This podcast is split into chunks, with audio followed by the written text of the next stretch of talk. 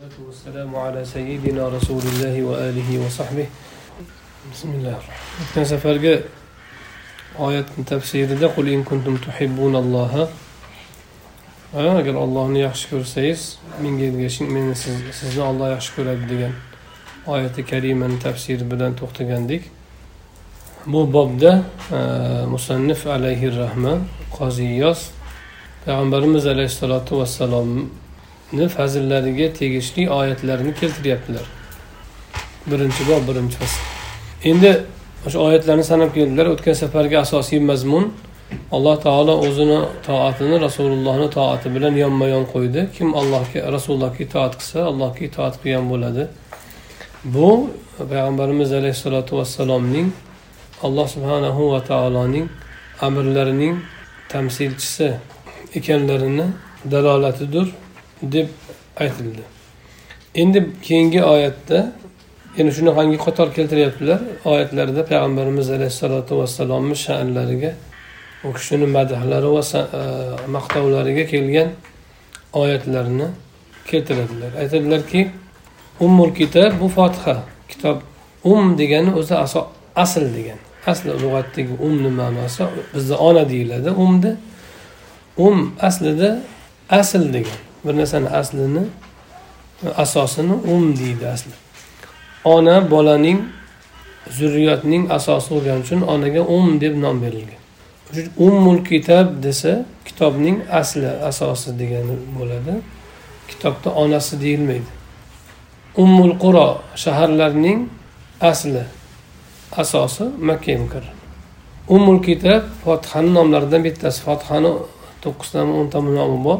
Masalan shofiya fotiha um asl va hokazo bitta nomi mashhur nomi umul kitob qur'oni karimning asli qur'oni karimni ma'nolari ijmoliy suratda jamlangan qur'oni karim chunki allohni ma'rifati bilan va oxirat ilmi va to'g'ri yo'l noto'g'ri yo'lni bayoni bo'ladi va alloh taologa ibodatni ta'limi bori shu qur'onni hamma ma'nosi o'sha ma'nolar fotihada bor. Alloh taoloni ma'rifati bor qiyomatni xabari bor ibodat bor to'g'ri yo'l noto'g'ri yo'l bor. To'g'ri yo'l egalari noto'g'ri egalari haqida bor qur'oni karimni umumiy maqsadini jamlagani uchun umul kitob deyilgan. O'sha umul kitobda sirotal mustaqim bizni mustaqim to'g'ri yo'lga boshlagan an'amta alayhim o'zing ne'mat bergan zotlarni yo'liga deb duo qilishni alloh taolo o'rgatgan. Fotiha doimo bandalarni tilidan o'qilishi uchun alloh taolo qola qul qulu qilib e, aytinglar va hokazo deb boshiga so'z qo'ymagan. Alloh taolo bandalarni tilidan to'g'ridan to'g'ri nozil qilgan. Iyyaka na'budu deb sengagina ibodat qilamiz. Deb aytinglar demaydi sengagina ibodat qilamiz degan so'zni o'zini keltiradi misol uchun. Ammo boshqa oyatlarda mo'minlar bundoq deb duo qilishadi. Falonchilar bundoq deb duo qiladi. Undoq deb duo qilgin deb doim ilmimni ziyoda qilgin deb amr bilan keladi. Ammo fotihada shunaqa amr yo'q yoki hikoya ham yo'q dedilar deyishlari kerak deganga o'xshagan.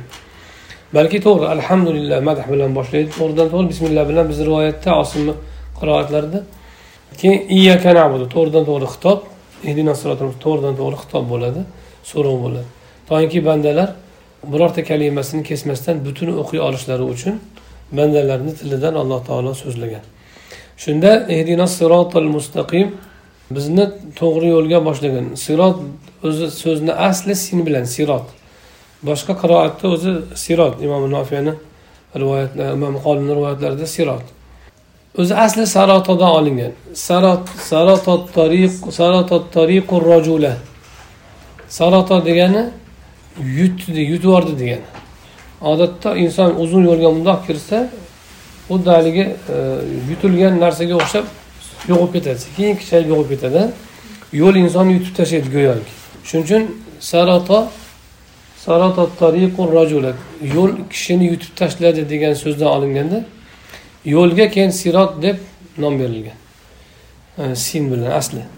Endi sodni toni ta'sirida yonida keyingi harf ro keyin undan keyingisi to bo'lgani uchun o'shani ta'sirida arablar sinni sodga almashtirib o'qishgan aytishgan. Ba'zi qabilalar sirot ba'zi qabilalar sirot degan. Bizda masalan bo'lganni bo'lg'on deydiyu ba'zilar. Bo'lg'an deydi xuddi shunaqa harf almashishi borda. Asli sin harfni asli o'zagi. Lekin keyin iste'molda oro bilan toni ta'sirida sod aytish odat bo'lgan. Bizni imom osimni qiroatida sod tanlangan boshqa ba'zi rivoyatlarda sin o'zi eski holatda asli holatda qo'ygan. Sirot demak yo'l degan uzun yo'l degan. O'sha uzun yo'lni insonni yutib olgani uchun sirot deb atalgan. Mustaqim degani tekis degani qiyshiqligi yo'q. Bu tekizligi nimadan dalolat? Kishi adashmasligidan va tekis yo'l tez olib boradi aylantirmasdan. O'sha tez yetkazishidan maqsadga va adashtirmasdan yetkazishidan mustaqim deb nomlangan. To'g'ri yo'l. Bu endi ma'naviy yo'l albatta bu yerda. Iymon e'tiqod yaxshi amallar yaxshi axloqdan iborat narsalar. To'g'ri yo'lga boshlagan qaysi yo'lga desa sen ne'mat bergan zotlarni yo'liga. Kim u olloh ne'mat berganlar desa boshqa oyatda minan النبيين va والشهداء va va solihin nabiylar siddiqlar shahidlar solihlar deydi. Shularni yo'liga yo'llagan nimaga? Ular jannatda yuqorisida bo'ladigan kishilar. Ularni yo'liga tushgan odam o'shalarni manzilasiga yetadi. Endi shunda siroti mustaqimdan murod nima desa bir tafsirda abul oliy va imom hasandan rivoyat qilingan tafsirda to'g'ri yo'lga boshlagandan to'g'ri yo'l nima desa muhammad alayhissalotu vassalom.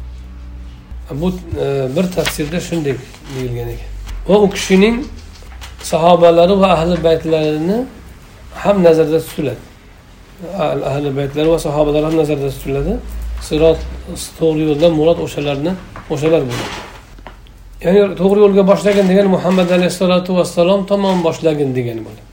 Hidoyat dalolat degani yo'l ko'rsatish degani hidoyat ikki xil bo'ladi. Hidoyati o'zi hidoyati dalolat hidoyati tavfiq deyishadi. Yo'lni ko'rsatib qo'yish birga olib yo'llab olib borib qo'yish. Yo'llab olib borib qo'ysa hidoyati tavfiq bo'ladi. Musulmon kishi musulmon bo'lib turib to'g'ri yo'lda yurib turib ehdina deb yana to'g'ri yo'lga yo'llagin deb so'rayotgan bo'lsa ikki xil ma'noda tushuniladi.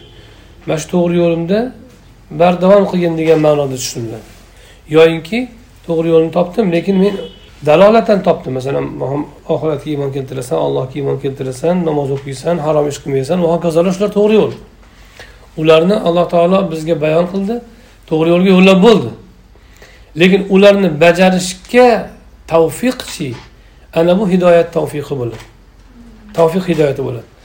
Endi dalolat hidoyatiga erishgan odam iymon keltirib solih amalga kirishgan odam tavfiq hidoyatini so'rayotgan bo'ladi. Ehdina sirota deyotganda. Tavfiq hidoyati nima?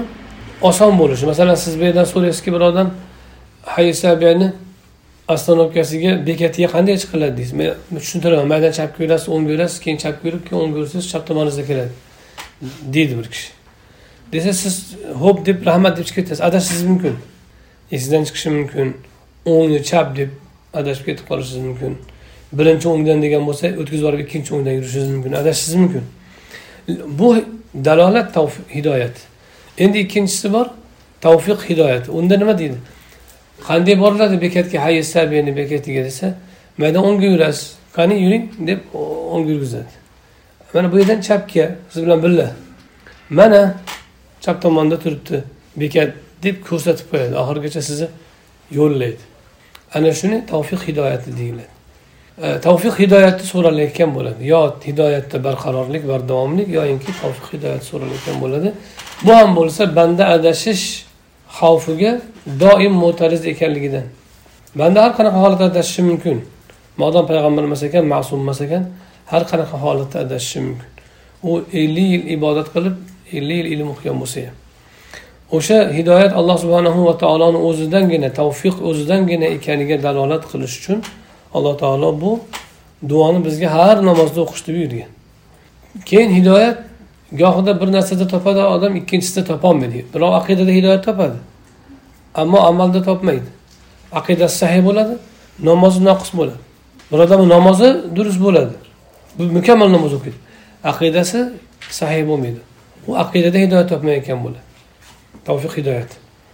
Yana bir kishi unda bunda yaxshi bo'ladi axloqi yaxshi bo'lmaydi axloqda hidoyat topmayotgan bo'ladi. Va hokazo. O'shaning uchun hidoyat har bir juzda shariatni har bir juzida hidoyat bor. Qaysi bir juzdagi kishi shariatni me'yorini yo'qotsa hidoyatni yo'qotgan bo'ladi. Masalan namozda.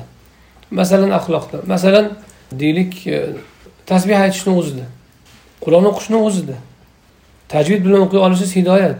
Tajvidsiz o'qishingiz hidoyatdan chiqish. Har bir narsada har bir juzda hidoyat bor. Payg'ambarimiz alayhissalotu vassalomdaqa o'qisangiz hidoyatda bo'lasiz. Tilovat qilsangiz oddiy tilovat. Rasulullohdaqa tushunsangiz sahobalardaqa tushunsangiz yoki o'sha o'shalarni manhaji asosida tushunsangiz fahmda hidoyat topgan bo'lasiz. O'shalarni manhaji asosida amal qilsangiz amalda hidoyat topgan bo'lasiz. Har bir juzda har bir amalni ustida hidoyat bor zalolat bor. Hidoyatni doimiy so'rash har bir amalda va dinning har bir juzida hidoyatda bo'lishni so'rash bo'ladi. Shuning uchun tinimsiz so'rash kerak.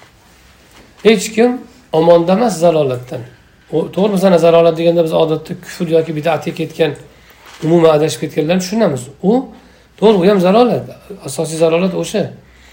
Lekin har bir ishni ustida ham bor to'g'ri yo'l topish noto'g'ri yo'l tutish. Har bir amalni ustida bor. Har bir amalda hidoyat topish uchun har bir amalga alohida alloh taolodan iltijo kerak. O'sha amalni to'g'ri qilishga shuning uchun namozimizda doim takrorlaymizki amallarimizni axloqimizni aqidamizni har bir juzida har bir amalida hidoyatda bo'lishni so'rash uchun endi o'sha hidoyatda bo'lish uchun to'g'ri yo'lni so'raymiz to'g'ri yo'l nima desa muhammad alayhissalotu vassalom ya'ni u zotning yo'llari وحكى مكي مكي بن ابي طالب يعني عنهما دم مراد ابو العاليه وامام حسن نحوه shunga o'xshagan bir rivoyat keltirgan ya'ni nahvahu mislahu desa so'z to'qson foiz bir xil bo'ladi nahvahu bo'lsa g'oliban bir xil bo'ladi ko'p ulamolarni islohi وقال هو رسول الله صلى الله عليه وسلم وصاحبه وقال كم فاعل كم فاعل هو كم يختتل مكي آه مكي aytganki صراط الصراط المستقيم nima desa rasululloh va abu bakr va umar roziyallohu anhu chunki payg'ambarimiz alayhissalom iqtadu billadayni min ba'di abu bakr va umar deganlar mendan keyin mendan keyingi ikki kishi abu bakr va umarga iqtido qiling ergashing deganlar o'shandan payg'ambarimiz alayhissalotu vassalomni yo'llariga raviyalariga ular yuz foiz ergashganlari uchun boshqalar ham xalifa roshid lekin yuzda yuz tushgan va mukammal sunnatni tamsil qila olgan kishilar bo'lganlari uchun o'shalarga e, qo'shiladi sirot mustaqim. Hazrati abu bakr va umar roziyallohu anhu abu lays samarqandiy xuddi shunga o'xshagan mislahu mana xuddi shunga o'xshagan gapni aytgan. Ya'ni e, abu bakr siddiq va hazrati umar ham siroti mustaqimni tamsilchilari bo'ladi. Abul oliyadan aytganlar. Mislahudan murod bu yerda payg'ambarimiz alayhissalotu vassalomni e, siroti mustaqim deyish bo'ladi. Chunki davomida demak yuqorida abul oliya va imomi hasandan siroti mustaqimdan murod rasululloh degan gap rivoyat qilindi. Samarqandiy boshqacha shaklda rivoyat qilyapti. Qanaqa? Bu gapni asli abul oliya aytgan imom hasan tasdiqlagan. Tasdiqlagani uchun bu so'z u kishiga ham nisbat berilyapti. Abu al hasan abul oliya siroti mustaqimdan murod rasululloh alayhissalotu vassalom deganda bu gap imom hasanga yetganda sodaqa vallohi to'g'ri aytibdi allohga qasamki degan ekan. Demak samarqandiyni rivoyatlarida so'zni asli aytgan kim? Abul oliya mufassir tasdiqlagan imom hasan u kishi ham o'sha gapni aytgan bo'ladilar movardiy e, anamta alayhim tafsirida abdurahmon ibn zayddan ham xuddi shu ma'noni ya'ni siroti mustaqimdan murod rasululloh alayhissalotu vassalom ekanliklarini movardiy ham abdurahmon ibn zayddan rivoyat qilganlar. Bu bir masalan demak imom abu oliyadan imom hasandan makki ibn abi tolibdan yana kimdan? Abdurahmon ibn zayddan rivoyat qilinyapti. Demak katta salaf ulamolaridan e, tafsir ulamolaridan to'rttalaridan rivoyat qilinyapti. An'am ehdina mustaqim sirot mustaqim kim ekan?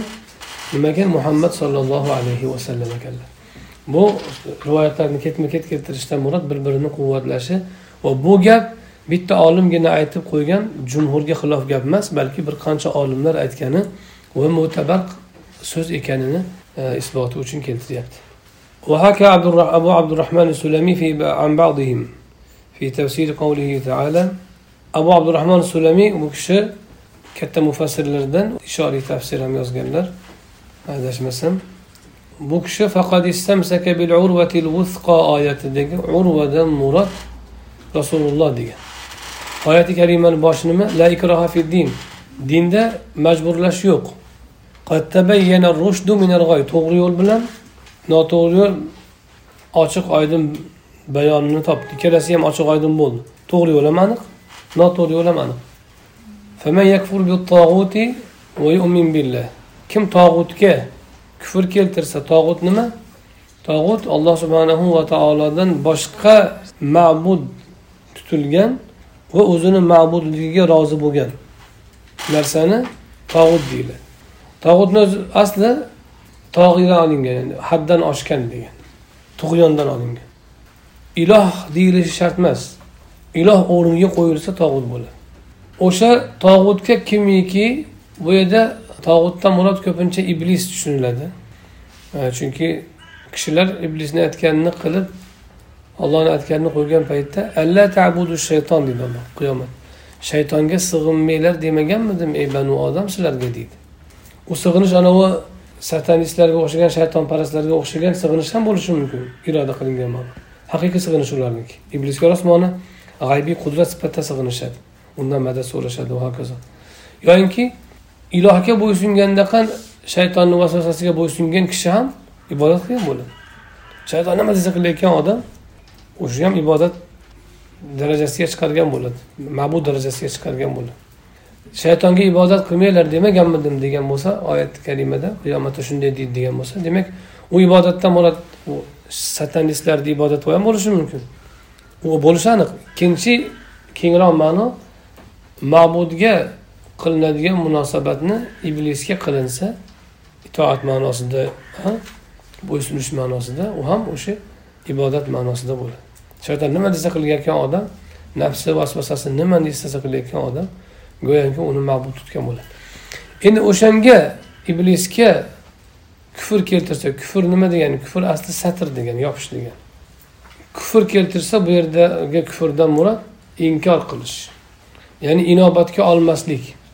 Go'yoki yopib tashlaysiz ustidan.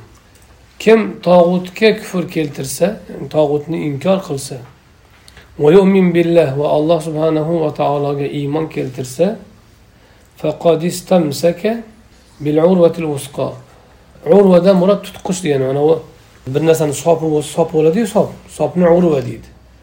Faqad istamsaka bil urvatil usqa degani mustahkam tutqichni mahkam tutibdi. Kim tog'utga kufr keltirsa va allohga iymon keltirsa mustahkam tutqichni mahkam ushlabdi. Ya'ni u najot topadi degan. Endi o'sha mustahkam tutqich nima desa muhammad alayhissalotu vassalom degan ekan abu abdurahmon as sulamiy ba'zi mufassirlardan salaflardan rivoyat qilib an ba'dihimdan murod an ba'di salaf endi boshqa bir qavulda vaqila al islom urvadan murod nima desa? Islom yana bir qavulda tavhid shahodat ya'ni ikki kalima ashhadu an la ilaha illalloh va ashhadu anna muhammadan deganlar ham bor ekan. Bu demak ya'ni sirota as sirotul mustaqimdan murod muhammad alayhisalotu vassalom qur'oni karimda u kishini ismi kelmayapti bu yerda lekin murod o'sha kishi. Al urvatul vusqo kelyapti. Muhammad alayhissalotu vassalomni ismlari yo sifatlari emas lekin murod u kishi. Demak e, qur'oni karimda biz payg'ambarimiz alayhissalotu vassalomni o'zlarini e, nomlari yoki u kishiga berilgan to'g'ridan to'g'ri berilgan vasflardan tashqari ishora bilan u kishini zikr qilingan o'rinlarni ham topishimiz mumkin. E, bu o'sha jumladan. Keyin yana sahl ibn abdulloh atustar aytgan ekanlar oyati bor. Agar alloh subhanahu va taoloni ne'matini sanasangiz adog'iga yetolmaysiz. Bunda ko'proq mufassirlar masalan dunyoviy ne'mat uxraviy ne'mat ma'naviy ne'mat moddiy ne'mat deb aytishaveradi. Lekin sahl ibn abdulloh bir tafsirda muhammad sollallohu alayhi vasallamni nazarda tutilgan. Rasululloh orqali kelgan ne'matlar nazarda tutilgan. Ne'matahu bi muhammad ya'ni muhammad alayhissalotu vassalom vositasida kelgan ne'matlarni agar sanasangiz oxirgi adog'iga yetolmaysiz. Haqiqatda shundoq. Rahmatan lil alamin rasuli akram alayhissalotu vassalom olamlarga rahmat. Shuni rahmatliklari har bir narsada aks etadi. Dunyodagi hamma rahmat e, namunalarida u kishining ulushlari bor. Oddiy masalan o'zimizni qilayotgan ishlarimizni ko'rsak yaxshi deb bilgan narsalarimizni yaxshilik qilayotgan bo'lsak hammasi muhammad alayhissalotu vassalom orqali kelgan. Nimaiki yaxshilikka erishgan bo'lsak u zoti barokat tufayli kelgan. Demak o'sha ne'matlarni agar sanasangiz haqiqatda tugatolmaysiz. Oddiy tahoratdagi fazilatni agar jismoniy manfaatni sanasangiz ham tugatolmaysiz. Tahoratni o'zidagi jismoniy manfaatni ma'naviysi ajri savobi yotirsin hamma masalada shundoq. Yana boshqa bir oyatda bu zumar surasida keladi. Sidq sodiqlik ya'ni. Sodiqlikni keltirgan va uni tasdiq qilgan ana o'shalar taqvodorlar shulardir. Degandagi oyati karimada sodiqlikni keltirgan kim? desa muhammad alayhissalotu vassalom. Va uni tasdiqlagan u ham muhammad alayhissalotu vassalom. Boshqa bir qiroatda bihi uni sodiqlikni keltirgan va uni sodiqlarcha yetkazgan degani bihi u unda ham muhammad alayhissalotu vassalom. Endi ba'zi tafsirlarda sodiqlikni sodiqlikni keltirgan muhammad alayhissalotu vassalom uni tasdiqlagan abu bakr siddiq yoki hazrati ali degan rivoyatlar ham bor.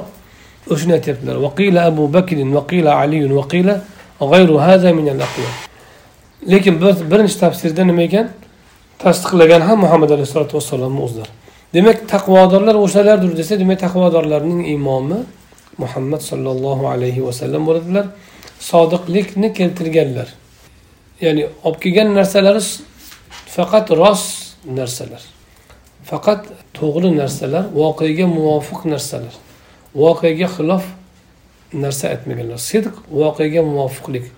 So'zning voqega muvofiqligi sidq deyiladi masalan jannatni gapirganlar. Faqat to'g'ri gap gapirganlar. Do'zaxni aytganlar faqat to'g'ri narsa aytgan tarixni gapirganlar faqat to'g'ri narsani aytganlar. O'tmishdagi payg'ambarlarni hikoyalarini aytganlar hammasi to'g'ri. Kelajak kelajak haqidagi xabarlar bor hammasi to'g'ri. Nima yaxshi nima yomon bayon qilganlar hammasi to'g'ri. Olloh nimani yaxshi ko'radi nimani yomon ko'radi bayon qilganlar hammasi to'g'ri. Birortasida sodiqlikdan boshqa narsa yo'q. Xato ehtimoli ham yo'q. Adashib qolish ehtimoli ham yo'q. Shuning uchun rasuli akram alayhissalotu vassalomni as sodiqul amin deydi. Demak oyat karimada oyatida ham rasuli akram alayhissalotu vassalom zimdan zikr qilinganlar.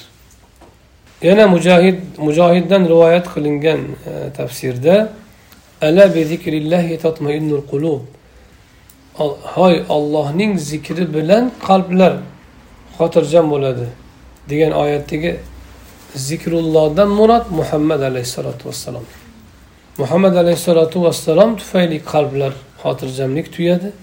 Muhammad alayhissalotu vassalom orqali bu kishi bilan qalblar taskin oladi. Zikrullohdan murod shu. Demak bu yerda ham zimdan rasuli akram alayhissalotu vassalom zikr qilinganlar. Ikkinchi fasl alloh subhanahu va taoloning nabiy sollallohu alayhi vasallamni guvohlik bilan sifatlagan ya'ni guvoh deb sifatlagan va bunga taalluqli u kishidagi maqtov va karomatlar haqida.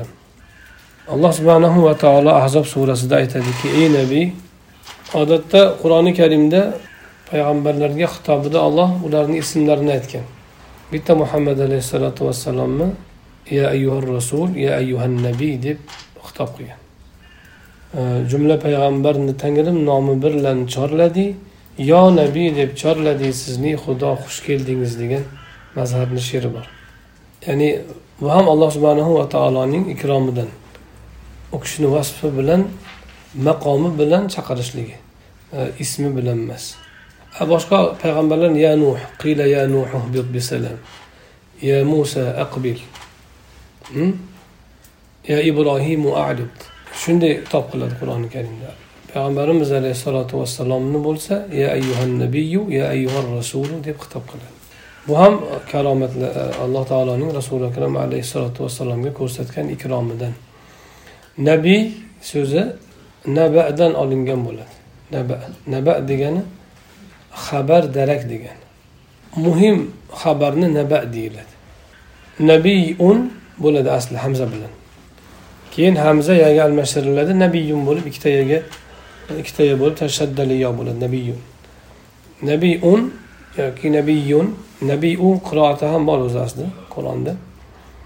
Fail vazni bo'ladi. Fail vazni bo'lganda ham foil ma'nosini bildiradi ham maful ma'nosini bildiradi.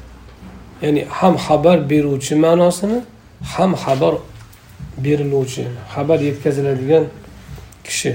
Xabarni qabul qiluvchi ma'nosida ham tushuniladi. Maful bo'lsa nabiun xabarni qabul qiluvchi bo'ladi. Ya'ni alloh taolodan qabul qiluvchi. Foil ma'nosida bo'lsa nabiyun xabarni yetkazuvchi xabar beruvchi bo'ladi. Ikkala ma'nosini ko'taradi nabiy. Va ikkala vasf muhammad alayhissalotu vassalomga boshqa payg'ambarlarga ham nabiylarga ikkala vasf mavjud bo'ladi. Ya'ni ham xabarni qabul qilguvchi ham xabarni yetkazuvchi kishilardir ular. Nabiy sollallohu alayhi vasallamni ana shunday nabiy nubuvvat bilan nubuvvat sifati bilan chaqiradi alloh taolo. Bu xabarni qabul qiluvchi xabarni yetkazuvchilik lug'aviy ma'nosi shariy istilohda ayni alloh taolodan xabar yetkaza qabul qilib alloh taoloni xabarini yetkazuvchilar nabiy deydi. Ammo alloh taoloni xabarini o'zidan qabul qilmasdan payg'ambarlardan eshitgan so'z bilan yetkazuvchilarni nabiy deyilmaydi. Ayni alloh taolodan qabul qilib alloh taolodan yetkazuvchilarni nabiy deyiladi. O'shadek istiloh. Inna biz sizni guvoh qilib bashorat xushxabar eltuvchi qilib nazir ogohlantiruvchi qilib bir xatardan ogohlantiruvchi qilib yubordik. Va alloh subhanahu va taologa allohning izni bilan chaqiruvchi qilib va nur sochuvchi chiroq qilib yubordik alloh subhanahu va taolo bu oyati karimada jamaallohu taala fi hadihi aya duruban degani anvaan degan bir qancha turdagi min rutabil al usra degani makruma ya'ni ikrom oliyjanob fazilat degan oliyjanob fazilat martabalaridan rutba martabani ko'p rutba rutab rutbani ko'pligi martabalar degani. Oliyjanob martabalar martaba maqomlardan bir nechtasini degani duruban bir nechtasini alloh taolo bu oyati karimada rasuli akram alayhissalotu vassalomga jamladi. Midha. Midha maqtov. Maqtovni maqtovdan bo'lgan bir qancha jumla degani bir bir to'p bir uyum degan ma'noda. E, bir to'da maqtov vasflarini ham jamlagan. Masalan bu kishi endi shuni tafsirlarga kirishyaptilar فجعله شاهدا على أمته لنفسه ومبشرا لأهل طاعته alloh taologa itoat qilganlarga ahli toatga bashorat bashorat degani o'zi asli xushxabarga ishlatiladi o'zi asli kelib chiqishi bashara basharadan kelib chiqqan teridan inson bir narsadan xursand bo'lsa yuzi mundoq kuladi yuzida qaysi bir xursandchilikki insonni yuzida asorati ko'rinsa o'sha xursandchilik xabarini bashorat deyiladi insonni yuzida basharasida terisida chehrasida ya'ni chehrasida asorati alomati ko'ringan xursandchilik xabarini bashorat deyiladi ya'ni inson shunaqa xursand bo'lib ketadiki bir xabardan hatto yuzidan zohir bo'ladi xursand bo'lgan. Tabassum qilib yuboradi misol uchun yuzi chaqnab ketadi. O'shanday xabarni bashorat deyiladi. Insonni yuzida aks etadigan xursandchilik. Alloh subhanahu va taologa toatda itoatda bo'lgan kishilarga payg'ambarimiz alayhissalotu vassalom xushxabar olib keladilar. Shunday xushxabarki ular sevinib ketadi. Shunaqa sevinishadiki yuzlaridan zohir bo'ladi sevinishlari. U nima bashorat? U jannat. Dunyoda ham jannat oxiratda ham jannat. Shariatni tutgan sunnat tutgan odam dunyoni o'zida ham jannatda bo'ladi. Ruhi nafsi rohatda bo'ladi. Toat ahliga bashorat yetkazuvchi va nazir nazir nizaro ya'ni e, ogohlantiruv nizora deb qanaqa nizora deb qanaqa ogohlantiruvni aytadi? Bir xatardan ogohlantiruvchini aytadi. Xatodan emas. Xatodan ogohlantirishni tanbeh deyiladi. Xatodan ogohlantirishni. Ammo xatardan ogohlantirishni nizora deyiladi nazir degani nazir degani ya'ni xatardan ogohlantiruvchi. Masalan bir yurtga bir balo kelayotgan bo'lsa o'sha balodan ogohlantirgan kishini nazir deyiladi shuning uchun payg'ambarimiz alayhissalotu vassalom man shunday bir kishiga o'xshaymanki ko'ylak egasiga o'xshayman deganlar. Qanaqa degani o'zisa bir kishi qanaqadir otlarni hurkigan ovozini eshitadi. Odatda kishilar yo qo'rg'on qurishgan shaharda o'zini himoya qilish uchun. Yoinki tog'lar bilan o'ralgan joylarni o'rtasida vodiylarda yashashgan. Toinki to'g'ridan to'g'ri kelib hujum kelmasin o'zlarini himoya qilsin uchun. O'sha tog'ni atrofi masalan makka vodiy deyiladi shuning uchun. Nimaga atrofi tog' o'sha ularni odatida shunday bo'lganki tashqarida masalan bir otni hurkigani yoki qurol aslahani ovozi eshitilsa demak qanaqadir qabila bularni tepasiga bostirib kelayotgan bo'ladi qanaqadir qo'shin. Shunda shubha tug'iladi. Bu haqiqatda qo'shinmikin yo savdogarlarmikin yo shunchaki o'ynab chiqqan ovchilarmikin degan savol tug'iladi. Shunda bir kishi yurib boradi toqqa. Tepalikka chiqib bundoq qarasa aniq narsani ko'radi. U ovchilarmi? Misol uchun ovga chiqqan yoyinki o'sha qabiladan safarga chiqqanlarmi? Yoki qanaqadir bir karvonmi? Bilinadi. Yoki qo'shinmi u qo'shin bo'lsa demak bularni ustiga bostirib kelgan hujum bo'ladi.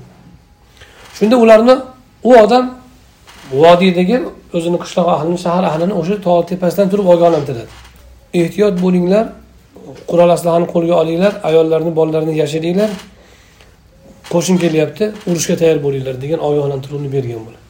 Xatardan ogohlantiruv shunda u o'ylab baqirsa yetmaydi hammaga. Ko'ylagini yechib aylantiradi. Men yalang'och ogohlantiruvchiman deganlar. Ana nadir uryan yalang'och ogohlantiruvchiman. Nima degani? Ko'ylagini yechib olib aylantirayotgan odammi e, oxirat azobi alloh taoloni iqobi sizlarga kelishini ko'rib turib tog' tepasidan. Sizlarni o'shandan ogohlantirayotgan qo'shindan ogohlantiruvchi kishiga o'xshayman man. deb o'zlarini shunday tavsiflaganlar nazirni ma'nosi shu.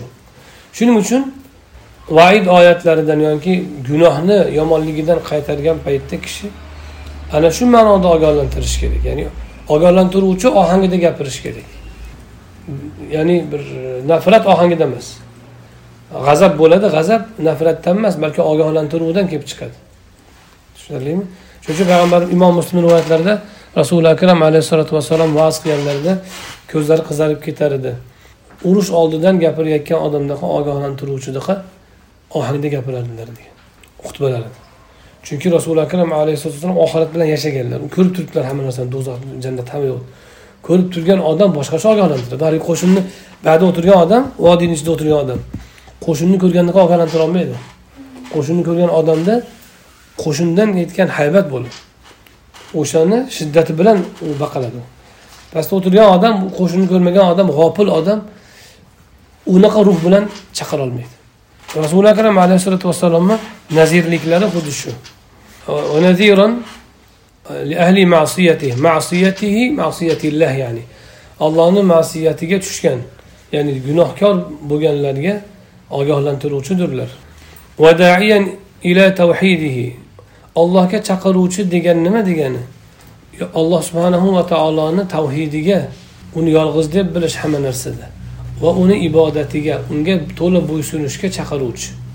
Demak da'vat shu bo'lishi kerak. Da'vat bir toifaga chaqirish bo'lmasligi kerak. Bir partiyaga odam yig'ish da'vat emas u. Da'vat deb olishgan u allohga da'vat da'vat allohga da'vat emas. To'g'ri masalan biror maqsadda birlashish mumkin. Birlashish mumkin masalan deylik siyosiy partiya tuzish mumkin lekin da'vat emas u. U tadbir ma'nosida qaraladi mumkin masalan deylik ilmiy bir e, majmua tuzish mumkin. Marhamat. Ammo dinni hammasi mana shu sifatida ko'rib shunga chaqirish dinga chaqirish shu partiyaga kirgizish ollohni diniga chaqirish deb o'ylash bu zalolat bu. O'zini toifasini mana shu din islom shu deb o'ylash yoki o'zini partiyasini islom mana shu deb o'ylash shunga chaqirishni da'vat allohni yo'liga da'vat deb o'ylash bu xatar. Lekin birlashish mumkin masalan deylik siyosiy partiya tuzing ma'lum vazifalarni birga bajarish uchun. Ilmiy bir muassasaga asos soling. Ma'lum vazifalarni birga bajarish uchun. Chunki inson bitta o'zi qilolmaydigan narsani ko'pchilik bilan qiladi. O'sha ma'noda mumkin. Marhamat qilaversin lekin mana shu partiyaga birlashish yoki mana shu toifaga yordam berish yoki mana shu muassasaga qo'shilish din shu deb tushunish bu xato. Mana shu zararlar ko'pchilik shundan adashadi. Keyin borib borib iymonni rukuniga aylanadi o'sha partiyadan chiqish dindan chiqish deb o'ylaydi. Unaqa emas. U ma'lum harakatdan boshqa harakatga o'tish xolos. Ma'lum muassasadan harakatdan o'sha masalan ma'lum faoliyatdan to'xtalish. U dindan chiqish emas u. Mana shu ko'p toifalarni kishilarni adashtiradigan joyi shu. U kirgan odam menga din yangi dinga kiryapman deb o'ylaydi. Mana bu dinni shu bitta odam da'vatchi chiqdi bitta da'vatchi deb qarash kerak dinni hammasi mana shu emas. Bitta da'vatchi to'g'risi to'g'ri bo'ladi noto'g'risi noto'g'ri bo'ladi deyish kerak yoki bitta deylik bir odam partiyaga asos soldi maqsadi deylik masalan odamlarni siyosiy ongini oshirish marhamat siyosiy gapni gapiraversin lekin dinga aralashmas man hamma siyosatda gapirsin masalan nasa degan tashkilot bor amerikada. Odamlarni shu kosmos ilmi bilan mana yaqinda jemis teleskopini e'lon qilishdi koinot ilmi bilan odamlarni ta'minlab turadi va koinotdagi kashfiyotlarni masalan e, deylik e, kishilarga taqdim qiladi o'zlari o'sha kashfiyotlardan nimalardir foydalanadi. Misol uchun marhamat shunaqa bitta tashkilot tuzib turib marhamat odamlarni siyosiy ongini oshiraversin dinga aralashmasin deylik. Ammo dinga aralashsa unda kitobi sunnatdan gapirsin. To'g'ri kitobi sunnat e, siyosatdan begona degani emas ichida bor lekin u siyosat bitta bitta juz bo'ladi xolos. Ham dinni hammasi siyosat bo'lmaydi. Siyosat ko'pchilikni ishini boshqarish degani muammo narsa emas vahimali narsa emas u oddiy narsa. Ko'pchilikni ishini boshqarish siyosat bo'ladi. Siz o'zingizni oilangizni ishini boshqarsangiz o'zingizni oilangizni siyosat egasiz man bitta mamlakat miqyosida bo'lsa u murakkablashadi keyin u siyosiy bir e, atama oladi. Asli asli mohiyati siyosat nima degani? Ko'pchilikni ishini boshqarish degani oddiy narsa. Shu narsada xatoliklar bo'lsa noto'g'ri boshqaryapti falonchi mana bu narsa to'g'ri bo'ladi. Marhamat. Siyosiy tahlillar bilan qilaversin. Bu islomga aloqasi aloqasi bor lekin bitta bitta juz xolos. U dinni hammasi siyosatdan iborat emas. Ashhadu an la ilaha illalloh vasiyat emas emas u. U bitta juz bo'ladi. Jamiyatni boshqaruvdagi bitta juz. Marhamat o'shani noto'g'ri jihatini oyat hadis bilan aytsin. U dushmanlik tug'dirish uchun qilinmaydi u. Tushunarlimi? Bu haqiqatni bayon qilish uchun masalan mana bu narsa shariatga xilof bo'lyapti deb aytishi mumkin. O'sha musulmon bo'lsa ular. Yoki boshqalar musulmonlarga shunaqa e, shu jihatdan agar bosim o'tkazayotgan bo'lsa uni masalan kishilarni ongini ochish uchun berishi mumkin bayon. Lekin da'vat qilinadigan din mana shu deyilmaydi u.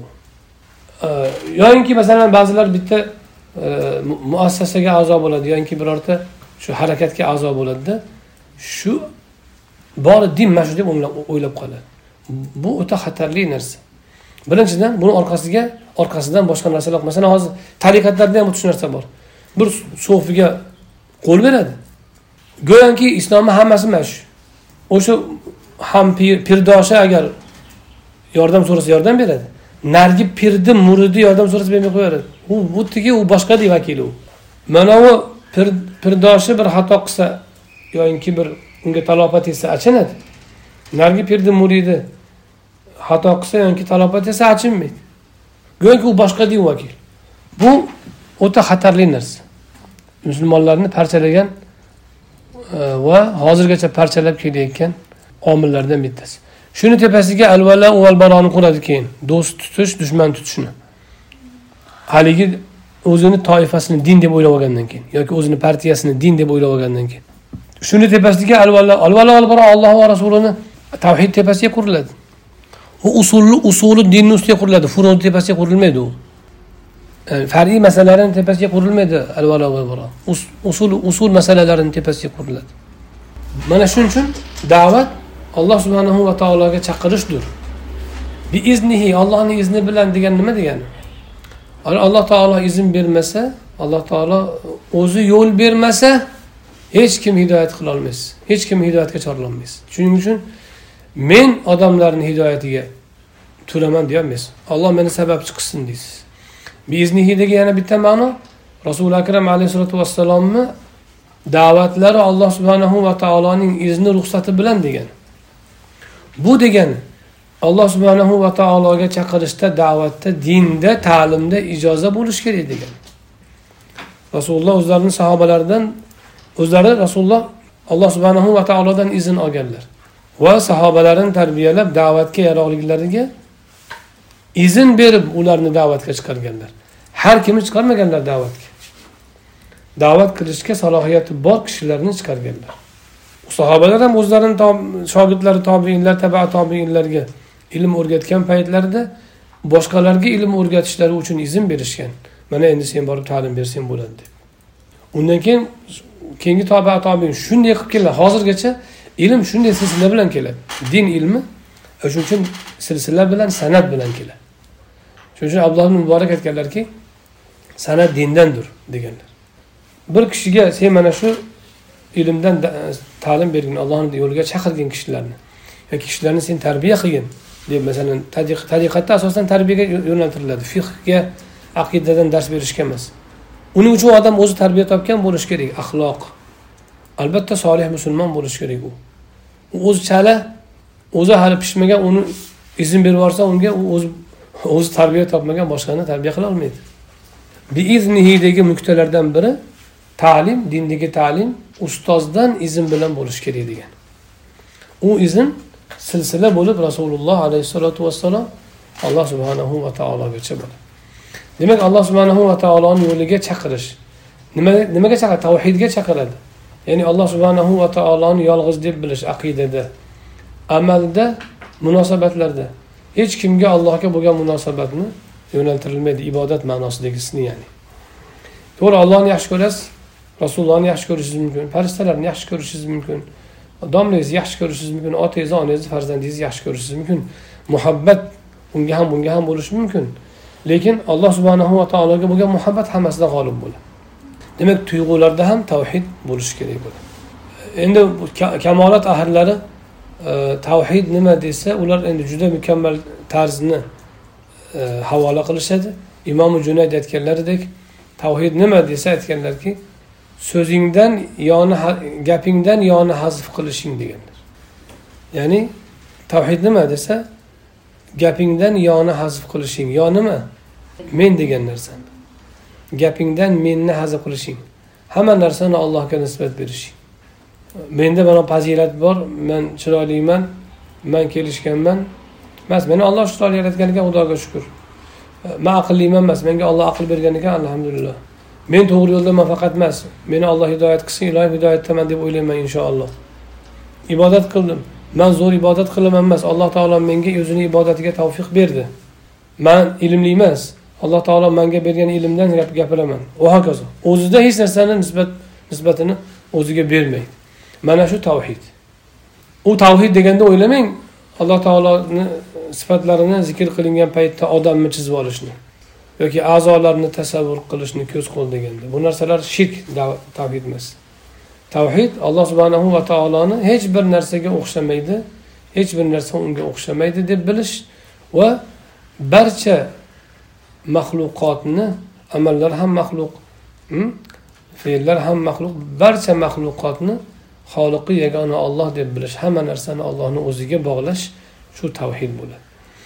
Ana shu tavhidga chaqirish ibodatga chaqirish ibodat e'tirozsiz bo'ysunish qalbidan. Tanasida bo'ysunsa ibodat qalbi bilan ruhi bilan bo'ysunsa ubudiyat bo'ladi. Va demak ana shu ibodatga chaqirish shu da'vat. Rasulullohni yo'llari shu rasulullohni da'vatlari shu alayhissalotu vassalom. Shuning uchun hadis shariflarni qarang da'vatlarini qarang rasulullohni makka davrini qarang madinada. Birorta mushrikni yomonlab o'tirganmilar abu jahl unaqa abu lahab bunaqa deb. Yo'q u da'vat emas u. Alloh subhanahu va taoloni ta'riflash da'vat bo'ladi. Xato narsalarni ayting mayli lekin shaxslar bilan ovora bo'lishdi. Bu da'vat bo'lmaydi bu.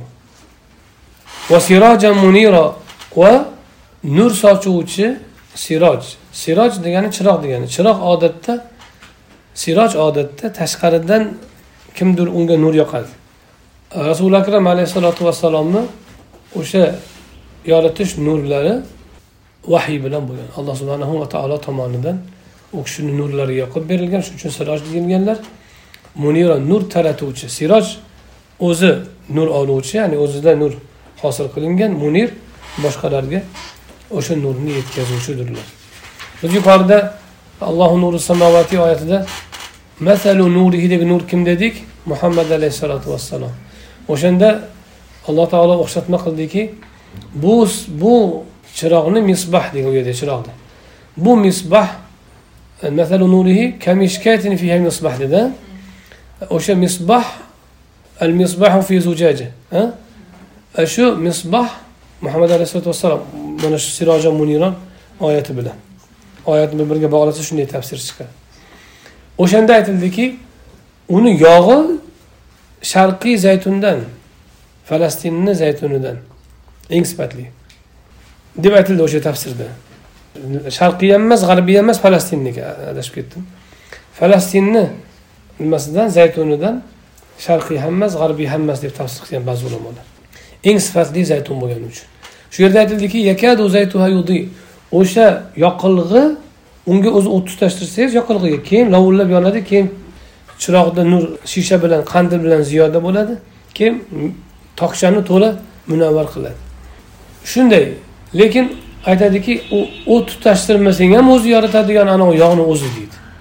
Bu nimaga dalolat qiladi? Muhammad alayhissalotu vassalomni vasflari kamolotlari fitriy ekaniga dalolat. Vahiy kelmasa ham agar vahiy kelishlari bilan nur ustiga nur bo'lgan. Agar vahiy kelmagan holatda ham qolganlarida agar yoki vahiy kelguncha bo'lgan davrlarini ham olinsa o'sha vaqtda ham nur bo'lganlar.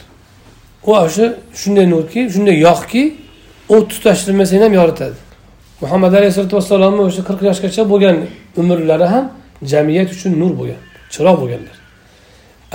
Keyin vahiy kelishi bilan nur ustiga nur bo'lgan yana ham ko'p yoritganlar. Bu kishining axloqiy kamolotlaridan keyin keyingi hadis sharifda uzun sanad bilan imom buxoriyni sanadi bilan keltirganlar aytadilarki ato ibn yasor aytadilar tobiinlardan abdulloh ibn amr ibn os roziyallohu anhuga ro'para bo'lib qoldim. Shu kishidan so'radimki rasululloh sollallohu alayhi vasallamni sifatlaridan bir menga xabar bering gapirib bering. Chunki u kishi u odamni yasorni bu gaplaridan murod payg'ambarimiz alayhisalotu vassalomni vasflarini umumiy qur'ondan boshqa joylarda ham bo'lgan vasflarini aytib so'ramoqchi bo'lyaptilarda. Shuning uchun aytyaptilarki ibn amr ibn as rasuli akram alayhissalotu vassalom innahu la fi qur'oni karimdagi ba'zi sifatlari bilan tavratda ham vasflanganlar sifatlanganlar. Deb turib o'sha guvohlik bashorat beruvchi va ogohlantiruvchi degan sifatlari qur'oni karimda kelgan bu oyatdagi. Ayni shu oyat ayni shu vasf muhammad alayhissalotu vassalomni sha'nlarida tavratda ham kelgan. U kishi chunki tavratni ham boshqa e, ahli kitoblarni kitoblarini ham bilganlar abdulloh shuning uchun o'sha kitobdan xabar beryaptilar. Yana u kishini sifatlari keladi o'sha va hirzan lil ummiyin. Ummiylarga ummiylarga qo'rg'ondirlar himoyadirlar ummiylardan murod kitob tushirilmaganlar. Bu yerda o'sha rasuli akram alayhissalotu vassalomni qavmlari. Bu ahli kitobni muqobilida turadi. Ahli kitob kitob tushirilganlar. Muqobilidagilar ummiylar bo'ladi. Kitob tushirilmagan qavmlar. Onadan tug'ilgandek ya'ni o'zini tabiati bilan o'sayotgani uchun g'aybdan qo'shimcha ma'lumot olmagani uchun ummiy deyilgan anta abdi va rasuli. Alloh subhanahu va taolo shunday sen meni bandamsan va rasulimsan deydi. Doim bandalik risolatdan oldin keladi. Ashhadu anna abduhu anna muhammadan abduhu va rasuluhu deymiz. Avval ibudiyatni zikr qilamiz keyin risolatni zikr qilamiz. Rasululloh shunday o'rgatganlar. Iso nasara isa ibn maryam deb turib va qulu va rasuluh va rasulahu. Allohni abdulloh va rasuluh. Allohning bandasi va rasuli denglar deganlar. O'shanda ham ya'ni meni maqtamoqchi bo'lsanglar ibodatim ubudiyatim tomonidan maqtanglar. Risolatim tomonidan maqtanglar. Ulug'iyat bilan emas ilohlik bilan emas. Shunda ham ubudiyatni muqaddam qo'yganlar bu risolatdan ubudiyat darajasi balandligini ko'rsatadi ollohni huzurida. Albatta risolat ham ubudiyatni zimniga kiradi o'zi asli. Lekin mafhum tushuncha ma'nosida olganingizda ubudiyat alloh subhanahu va taologa bandalik taslim bo'lish. Risolat yetkazish ollohni xabarini. Ollohni xabarini yetkazish ham asli ibodatni jumlasidan lekin u alohida vasf baribir. Alohida vazifa u. Ubudiyat risolatdan baland turadi. Shuning uchun subhanallazi asro bi abdihi degan. Rasulini isro tungi sayrga chiqargan zot pokdir degan oyatda rasulini emas bandasini deb aytgan. Rasulullohni maqtamoqchi bo'lgan u kishini ko'targan o'rnida abd sifati bilan ubudiyat bilan bandalik sifati bilan alloh taolo vasf qilgan. Bu sifat risolatdan baland bo'lgani uchun allohni huzurida mahbubroq bo'lgani uchun. Shuning uchun shahodat kalimasida ham abduhu deb oldin aytiladi chunki ibodat ubudiyat bandadan alloh subhanahu va taologa qaratilgan bo'ladi. Risolat ollohdan bandaga qaratilgan bo'ladi. Banda tomonidan taqdim qilingani uchun alloh taolo uni muqaddam qo'yadi. Va seni deydi alloh taolo muhammad alayhissalotu vassalomga mutavakkil deb nomladim. Tavakkul qilguvchi tavakkulni aytganmiz alloh subhanahu va taoloni vakil tutish degani. Vakil tutish degani alloh taologa tayanish degani. Masalan man bir kishiga bir kishini vakil tutsam o'sha ishimda o'sha odamga tayanaman. Masalan mana pulni maydalab keling bozorga chiqib desam maydalab kelishida u odam mendan vakil bo'ladi. U odamni chiqardimmi man o'zim chiqibman bozorga bo'ldi. O'sha odamni vazifasi emasiga ishiga kifoyalanaman. Shuni e, vakolat deyiladi. Endi alloh subhanahu va taoloni vakil tutish qanaqa bo'ladi? Banda amalni qiladi sababni keltiradi bir ishni qiladi. Natijasida o'sha sababga emas allohni o'ziga tayanadi. Chunki sababni sabab qiluvchi ham olloh orqasidan musabbabni natijani keltiruvchi ham olloh faqat takror bo'lgani uchun bizni ko'zimizga sabab albatta musabbabdan keyin paydo bo'ladi deb sababdan keyin albatta musabbab paydo bo'ladi deb o'ylaymiz. Albatta oila qursa bola ko'radi bola ko'radi deb o'ylaysiz. E u oila qurib bola ko'rmasligi ham mumkin u sabab tushundingizmi yoyinki kessa pichoq albatta kesiladi deb o'ylaysiz. Albatta kesilish kesilmasligi mumkin xuddiki ibrohim alayhissalomni pichog'i kesmaganda ismoilni alayhissalom. Va hokazo. Natijani ollohdan ko'rish ollohga tayanish natijada shu shu tavakkul deyiladi. Tavakkul sababni tashlash emas sababni o'rin sababni o'rnini qalbdan chiqarib olish tavakkul bo'ladi. Sababni keltirib turib natijani ollohdan kutish asli tavakkul shu. Nimaga desa kishi sababni keltirib turib e, sababni keltirib turib musabbabga ishonmasa musabbabni o'ziga allohga ishonayotgan bo'lsa shunda sababni e'tibordan tushirgan bo'ladi. Tushundingizmi? Masalan bir masalan bir chanqadim man buni ilgari ham aytib berganman yana takrorlayapman. Chanqadim man suv chanqoqni qondiradi. Qoniqish hissini keltiradi. Suv. Suv sabab qoniqish hissi musabbab natija. Man aytsamki allohga tavakkul qildim man suvni ichmayman. Qoniqish usiz ham hosil bo'lishi mumkin. Bo'lishi mumkin haqiqatda. Shu tavakkulmi? Aytiladiki sababni keltirib o'zi bu tavakkulda darajalar bor. Ba'zi darajalarda shu e, yo'l tutiladi. Tajarrud tasabbub maqomi bor tajarrud. Tajarrudga o'tganda tutiladi u.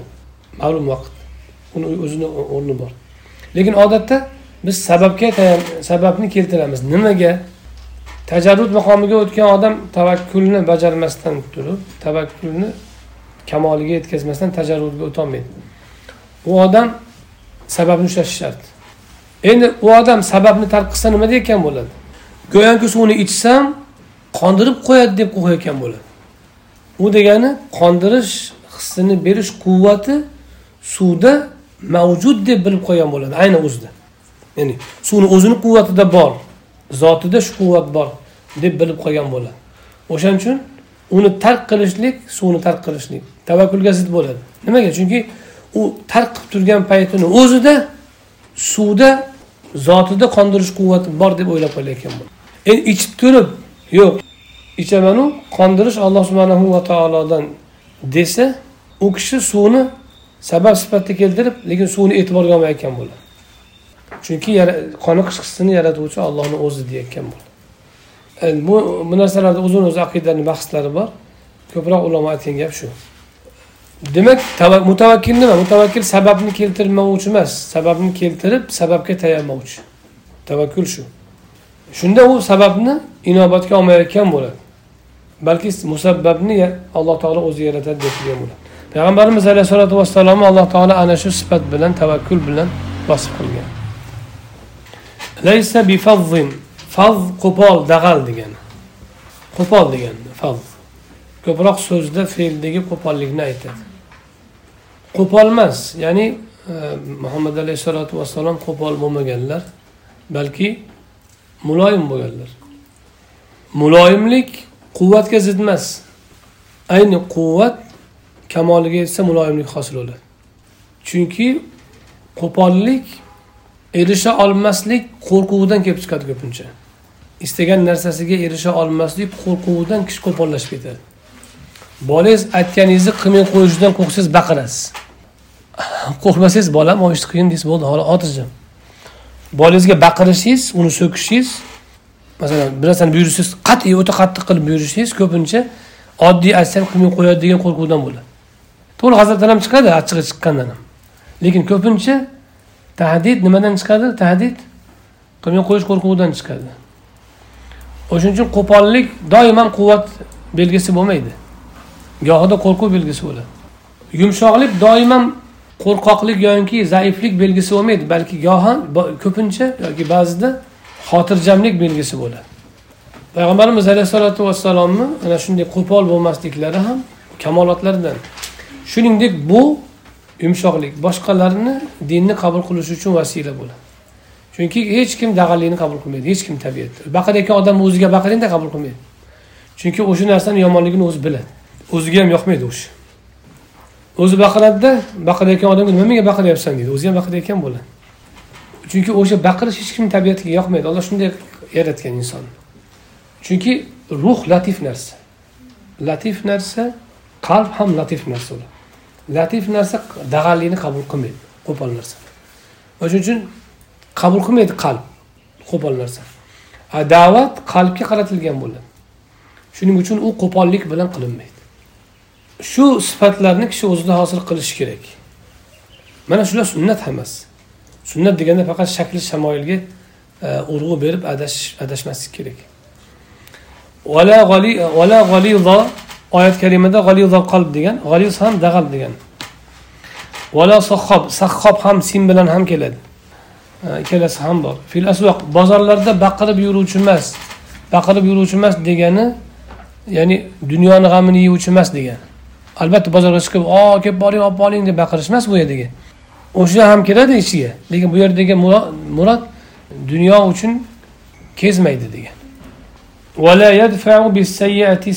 Yomonlikni yomonlik bilan qaytarmaydi. Balki afu qiladi va kechiradi. Bu ham rasuli akram alayhissalotu vassalom vasiflaridan tavrotda kelgan. Alloh taolo u kishi alloh. Taolo u kishini jonini olmaydi. Toinki qiyshiq millatni to'g'rilamaguncha nima deb qachon to'g'irlangan bo'ladi ular? La ilaha illallohga erishganlarida va alloh taolo u kishi bilan muhammad alayhissalotu vassalom bilan ko'r ko'zlarni ochadi. Gung yoki kar quloqlarni ochadi va qulib qalblarni ochadi. Bu yerdagi ko'zdan murod quloqdan murod ma'naviy ko'z ma'naviy quloq. Albatta bu kalladagi joylashgan ikkita ikkita a'zo emas.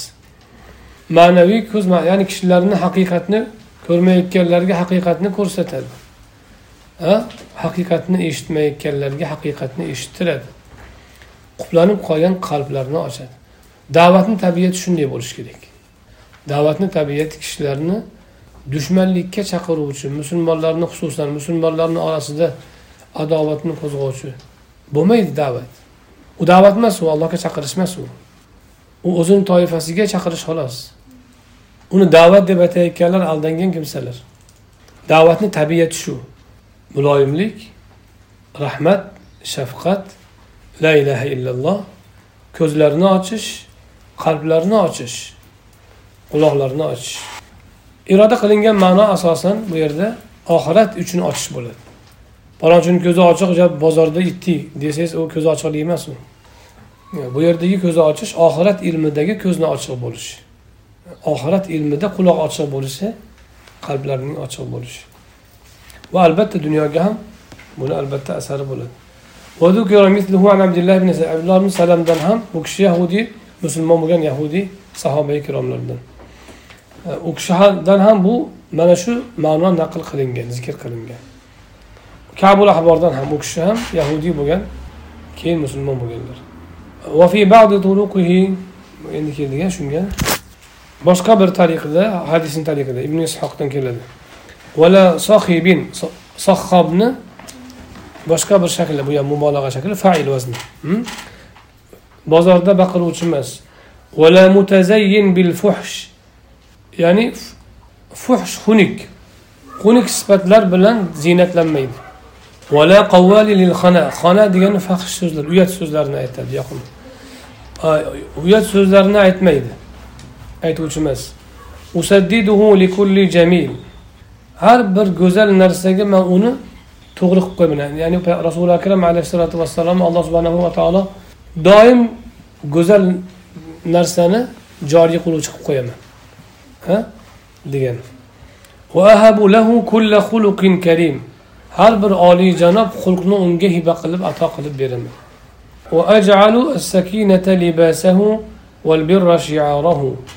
Sakinat xotirjamlikni uning libosi qilib qo'yaman. Va ezgulikni uning shiori qilib qo'yaman shiar degani ichki kiyim degani badaningizga tegib turgan kiyimni shiar deydi. Tepadagi kiyimni disar deydi.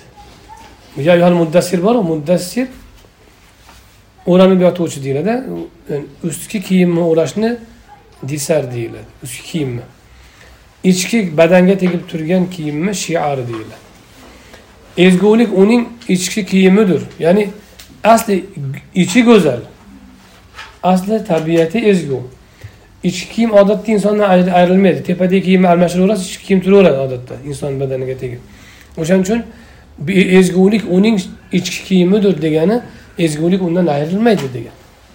Ya'ni bir ezgu bo'lib qolib bir aynib qoladigan odati yo'q. Balki doim ezgu. Yaxshiga ham ezgu yomonga ham ezgu. Yaxshiga ezgu yomonga ezguligi yo'q emas yomonga ham ezguligi bor. Uning zamir degani vijdon degani taqvo uning vijdonidir. Rasuli akram alayhissalotu vassalom har kim o'zida vijdon vijdonli bo'laveradi.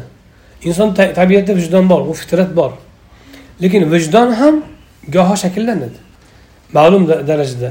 Fitratni o'zaga turadiyu lekin ba'zi inson misol uchun vijdonni o'ldiradi oxiri borib borib vijdon boshida qiynaladi boshida qarshi turadi. Borib borib o'sha vijdonni o'ldirishi mumkin. Shuning uchun har kimni vijdoni ham to'g'ri me'yor bo'lishi mumkin emas. Gohida inson vijdoni kimnidir vijdoni misol uchun qiynaladi suvarakni o'ldirgani ham. Ichi og'riydi kimnidir vijdoni o'sha suvarakni o'ldirishga vijdoni chidamagan odam biron pulini yeb qo'yaveradi. Kelib qolsa to'g'ri kelib qolsa alloh o'zi kechirsin deb. Zarur bo'lib turibdi hozir. Deydi o'shaning uchun vijdon doim me'yor bo'lmaydi. Vijdon taqvo bilan shakllanishi kerak. Tushunarlimi? Vijdon albatta fitrat bor u albatta yaxshi yomonni ajratadi lekin doim ham u sizga me'yor bo'lib bera olmaydi. Shuning uchun masalan ba'zi odam e, man deydi falon ishni qilib ko'rdim vijdonim qiynalmadi demak yaxshi ekan deb o'yladi. U u taqvo egalariga aytilgan istafti qalbak qalbingdan fatvo so'ra yoki qalbingni g'ash qilgan narsa gunohdir qalbing yozilgan narsa yaxshi amaldir degani u sof fitrat egasi taqvo vijdon egasiga aytilgan. Vijdoni taqvodan bo'lgan odamga hammaga ham emas. Masalan bir yahudiy aytadiki izroillik yahudiy man kirib falastinga bostirib kirib o'sha yerdagi odamlarni o'ldirsam maza qilaman deb o'zi hikoya qiladi askar. O'shanga maza qilyapti. Vijdon o'sha ham o'zini o'zini nazdida. Bu me'yor bo'lmaydi. Shuning uchun rasuli akram alayhisalotu vassalomni zamirlari taqvodir taqvo zarrada zarra narsalarda ham yaxshilik yomonlikni o'ylash hisoblanadi. Ya'ni zarra yomonlikdan ham qochish zarra yaxshilikni ham qo'ldan chiqarmaslik. Shu taqvo bo'ladi.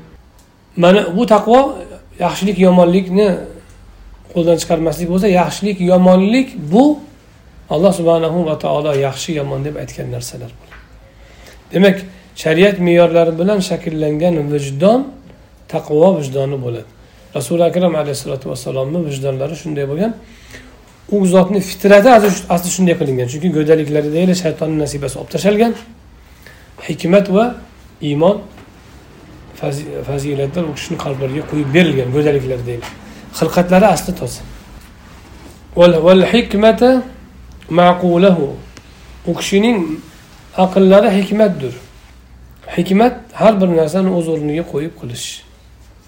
Otani ota o'rniga qo'ya olish onani ona o'rniga yaxshini yaxshini o'rniga yomonni yomonni o'rniga haromni harom halolni halolni o'rniga qo'ya olishni.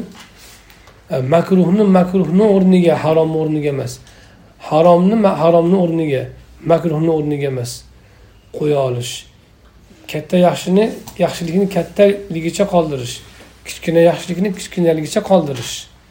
Har bir narsani o'z o'rniga qo'ya olish hikmat deyiladi. Uni tatbiqni o'rniga qo'ya olish hikmat deyiladi.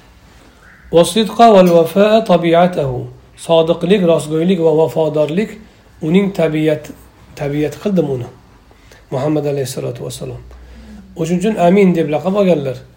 Hali payg'ambarlik kelmasdan turib bo'lgan bir voqea bor. Bir kishi bilan va'dalashganlar makka mukarramada falon joyda ko'rishamiz deb. Keyin u kishi esdan chiqarib qo'ygan. Rasululloh bir narsa olganlar yo u kishi bir narsa olgan rasulullohdan pulni qolganini palon joyda ko'rishamiz beraman degan. Keyin payg'ambarimiz alayhissalotu vassalom o'sha vaqtga kelib turganlar. Masalan ertaga peshinda degan bo'lsa misol uchun ertaga tushlikda degan bo'lsa o'sha vaqtga kelib turganlar o'sha yerga. U odam esidan chiqib qo'ygan. Uch kundan keyin esimdan esimga tushib borsam turgan ekan degan. Muhammad alayhissalatu uch kundan keyin esimga yo'q palon joyda beraman degandima deb yugurib borsam o'sha yerga turgan ekan. Birodaringni charchatdingda deb qo'ygan ekanlar. Qiynab qo'ydingku deb qo'ygan ekanlar. Mana shu vafo. Vafo odamiylikdan. Rasuli akram alayhissalotu vassalom vafodorliklari hamma jabhada ko'ringan. O'sha payg'ambarimizga yaxshilik qilgan hamma sahobaga yaxshilikni qaytarganlar. Menga kimiki bir yaxshilik qilgan bo'lsa o'zi rasulullohni shaxslariga emas u hammasi din uchun. Menga kimiki yaxshilik qilgan bo'lsa hammasini qaytardim bitta abu bakr qoldi deganlar. Uni mukofotini olloh beradi degan. Chunki u jonu molini mendan ayamadi hammasini menga tortiq qildi. O'zida qoldirmasdan. Uni mukofotini olloh beradi. Lekin boshqa hamma kimiki menga bir nima yaxshilik o'tkazgan bo'lsa hammasini qaytardim degan. Ko'pi bilan. Bu vafodan hadisha roziyallohu anhoni vafotlariga necha yillar o'tib ketsa ham umrlarini oxirigacha vafoni unutmaganlar. Madina munavvarada ham o'sha qo'y so'ysalar bir hadya qilsalar hadijani o'rtoqlariga yuboringlar deganlar. Hadisha roziyallohu anhoni dugonalariga hadij bir bir ayol kelsa o'shani hurmat qilardilar. Nimaga desa hadijani davrida hadijani oldiga kelib turardi deb ikrom qilganlar. Hadisha roziyallohu anhoga qilgan vafolaridan o'lib ketgan bir kundoshiga oysha roziyallohu anhu kuyganlar bu mana shu vafodor vafoni e, rasuli akram alayhissalotu vassalomni tabiatlari bo'lganidan hatto makka mukarramaga qaytganlarida ham meni chodirimni hadijani qabrini oldiga quringlar deganlar hadisha roziyallohu anhuni qabrlarini yoniga chodirlarni qurib berishgan. Vafo uning tabiatidir. Afu kechirimlilik va ma'ruf ya'ni fitratda yaxshi sanalgan narsalarni qilish uning xulqidir adl uning siyrati siyrat hayot yo'li degan. Adolat uning hayot yo'lidir. Hamma narsada odil bo'lganlar hech bir narsada tajovuz qilmaganlar.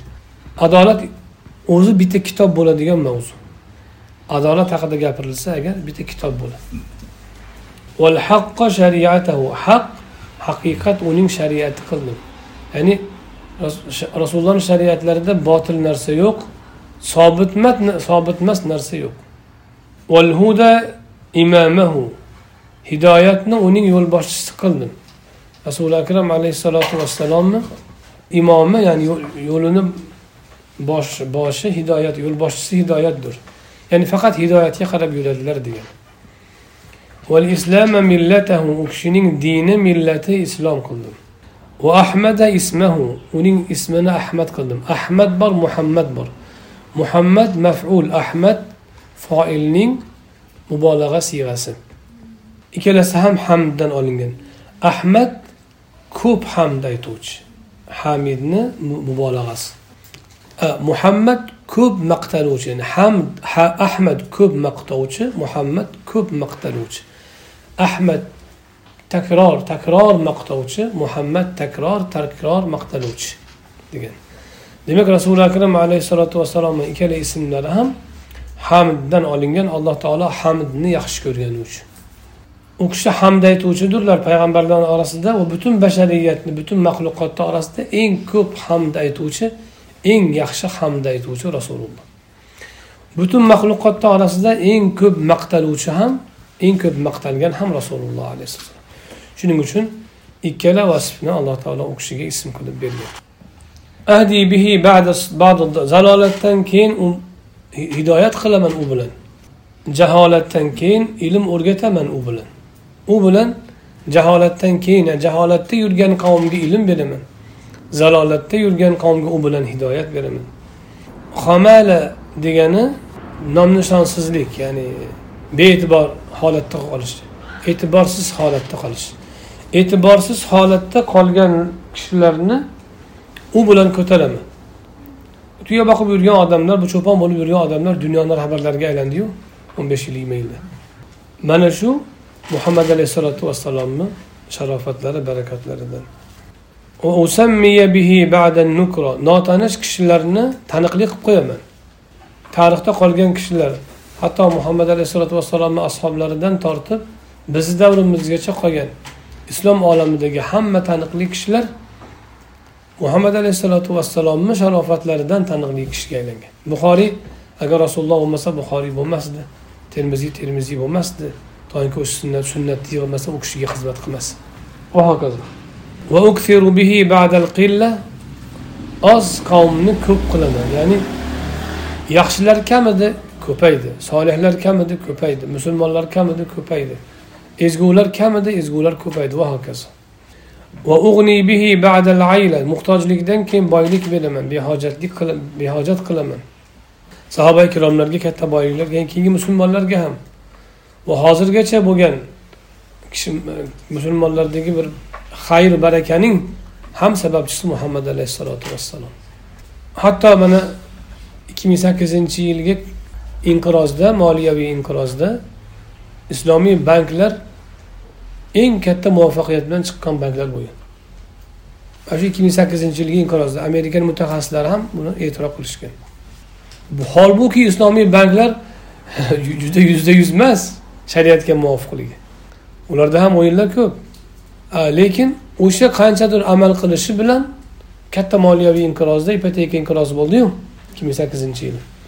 O'sha inqirozda dunyoda eng muvaffaqiyat bilan chiqqan moliya muassasalari islomiy muassasalar bo'lgan. Ana shu muhtojlikdan keyin boy qilaman degani shu behojat qilaman. Muhammad alayhissalotu vassalomni ta'limotlari barakoti xizmatlari barakoti. Tarqoqlikdan keyin jamlayman avs bilan hazraj bir biri bilan yillar urushib kelgan dushmanlar bitta ansorlarga aylanishdi. Bitta aka ukadek bo'lishdi. bir biridan farqli ixtilofli qalblarni muhammad alayhissalotu vassalom bilan ulfat qilaman. Va mutashattita tarqoq istaklar havolarni ham bir joyga jamlayman u kishi bilan. Va umamin mutafarriqo turli tafriqaga tushgan qavmlarni ham.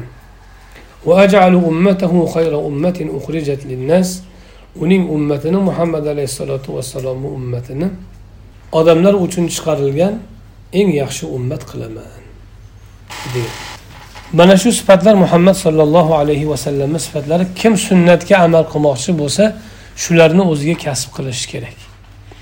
Xususan da'vat qilmoqchi bo'lgan odam birlashtiruvchi bo'lsin tafriqaga soluvchi emas do'st qiluvchi bo'lsin dushman qiluvchi emas to'plovchi bo'lsin tarqatuvchi emas kishilarni boylikka olib chiqadigan bo'lsin kambag'allikka emas yetuk kishilarni tarixda qoladigan kishilarni yetishtirishga xizmat qilsin uni da'vati. Bor qobiliyatlarni uvol qilishga emas. Tushunarlimi? Shunda nabaviy da'vat bo'ladi. Undan boshqasi hammasi sunnatga xilof shaytonni da'vatlari. Aytilayotgan gaplar islom bo'lishi mumkin. Aytilayotgan so'zlar oyat hadis bo'lishi mumkin. Lekin tariqasi shaytonniki bo'ladi. Ammo haqiqiy nabaviy da'vat mana shu rasuli akram alayhissalotu vassalomni da'vatlari bergan natijani berish kerak. Kishi da'vat qilayotgan paytda va'z qilayotgan paytda dars berayotgan paytda o'ylash kerak. Nima nima keltiradi mani da'vatim oxiri? Agar mana shu natijalarni bersa sunnatdagi rasuli akram alayhissalotu vassalomni tavrotda berilgan vasflaridagi natijalarni bersa o'sha da'vat to'g'ri bo'ladi. Shuningdek vafo adolat va boshqa axloqlar ham sunnat vojib sunnatlardan. Misvok muhim misvokdan vafo muhim. Salla fazilatli lekin tavozu undan farz. Oddiy fazilatli amal emas farzu qur'onni chiroyli o'qish mahbub ammo adolat undan muhim. O'shaning uchun har bir me'yorni shariatni ahkam joyiga qo'yish kerak joyida tadbiq qila olish kerak. Shunda da'vat o'zini joyiga keladi. Lekin pashtadan pil yasab agar bir e, tanzihiy makruhni haromga aylantirsangiz fazilat yoki odobni farzga vojibga aylantirsangiz da'vat buzilgan bo'ladi. Adolat ketgan bo'ladi. Yoki farzni o'zini maqomidan tushirib qo'ysangiz bunaqa qilsa ham bo'ladi qilmasa ham bo'ladi hijob ham yaxshi endi sharoitga qarash kerak deydigan bo'lsangiz namoz o'qish kerakku lekin baribir e, tirikchilik ham kerak deydigan bo'lsangiz da'vat emas u. Bular hammasi shaytonni da'vatlari lekin vosita oyat hadis bo'lishi mumkin. E, shuningdek musulmonlarni tafriqaga solayotgan da'vatlar musulmon musulmondan kofir yasaydigan da'vatlar hammasi shaytonni da'vatlari nabaviy sunnat da'vatlar emas ular. Tushunarlimi? Kimiki da'vatida o'zini bu bu sunnatni sunnatga muvofiq da'vatni qanday o'zlashtiramiz degan savol bor. Izn bilan o'zlashtirasiz. Silsila bilan kelayotgan ta'limni olish kerak. Silsila bilan kelayotgan ilmni olish kerak. Va o'shani da'vat sifatida tutish kerak. Shundagina kishi izn bilan kelayotgan da'vatni olgan bo'ladi. Shunda natija muhammad alayhissalotu vassalomni da'vatlari natijasi bo'ladi. O'sha da'vat nabaviy da'vat o'sha da'vat sunnat da'vat boshqasi bid'at va shaytoniy da'vatlar bo'ladi. سبحان ربك رب العزة عما يصفون وسلام على المرسلين والحمد لله رب العالمين.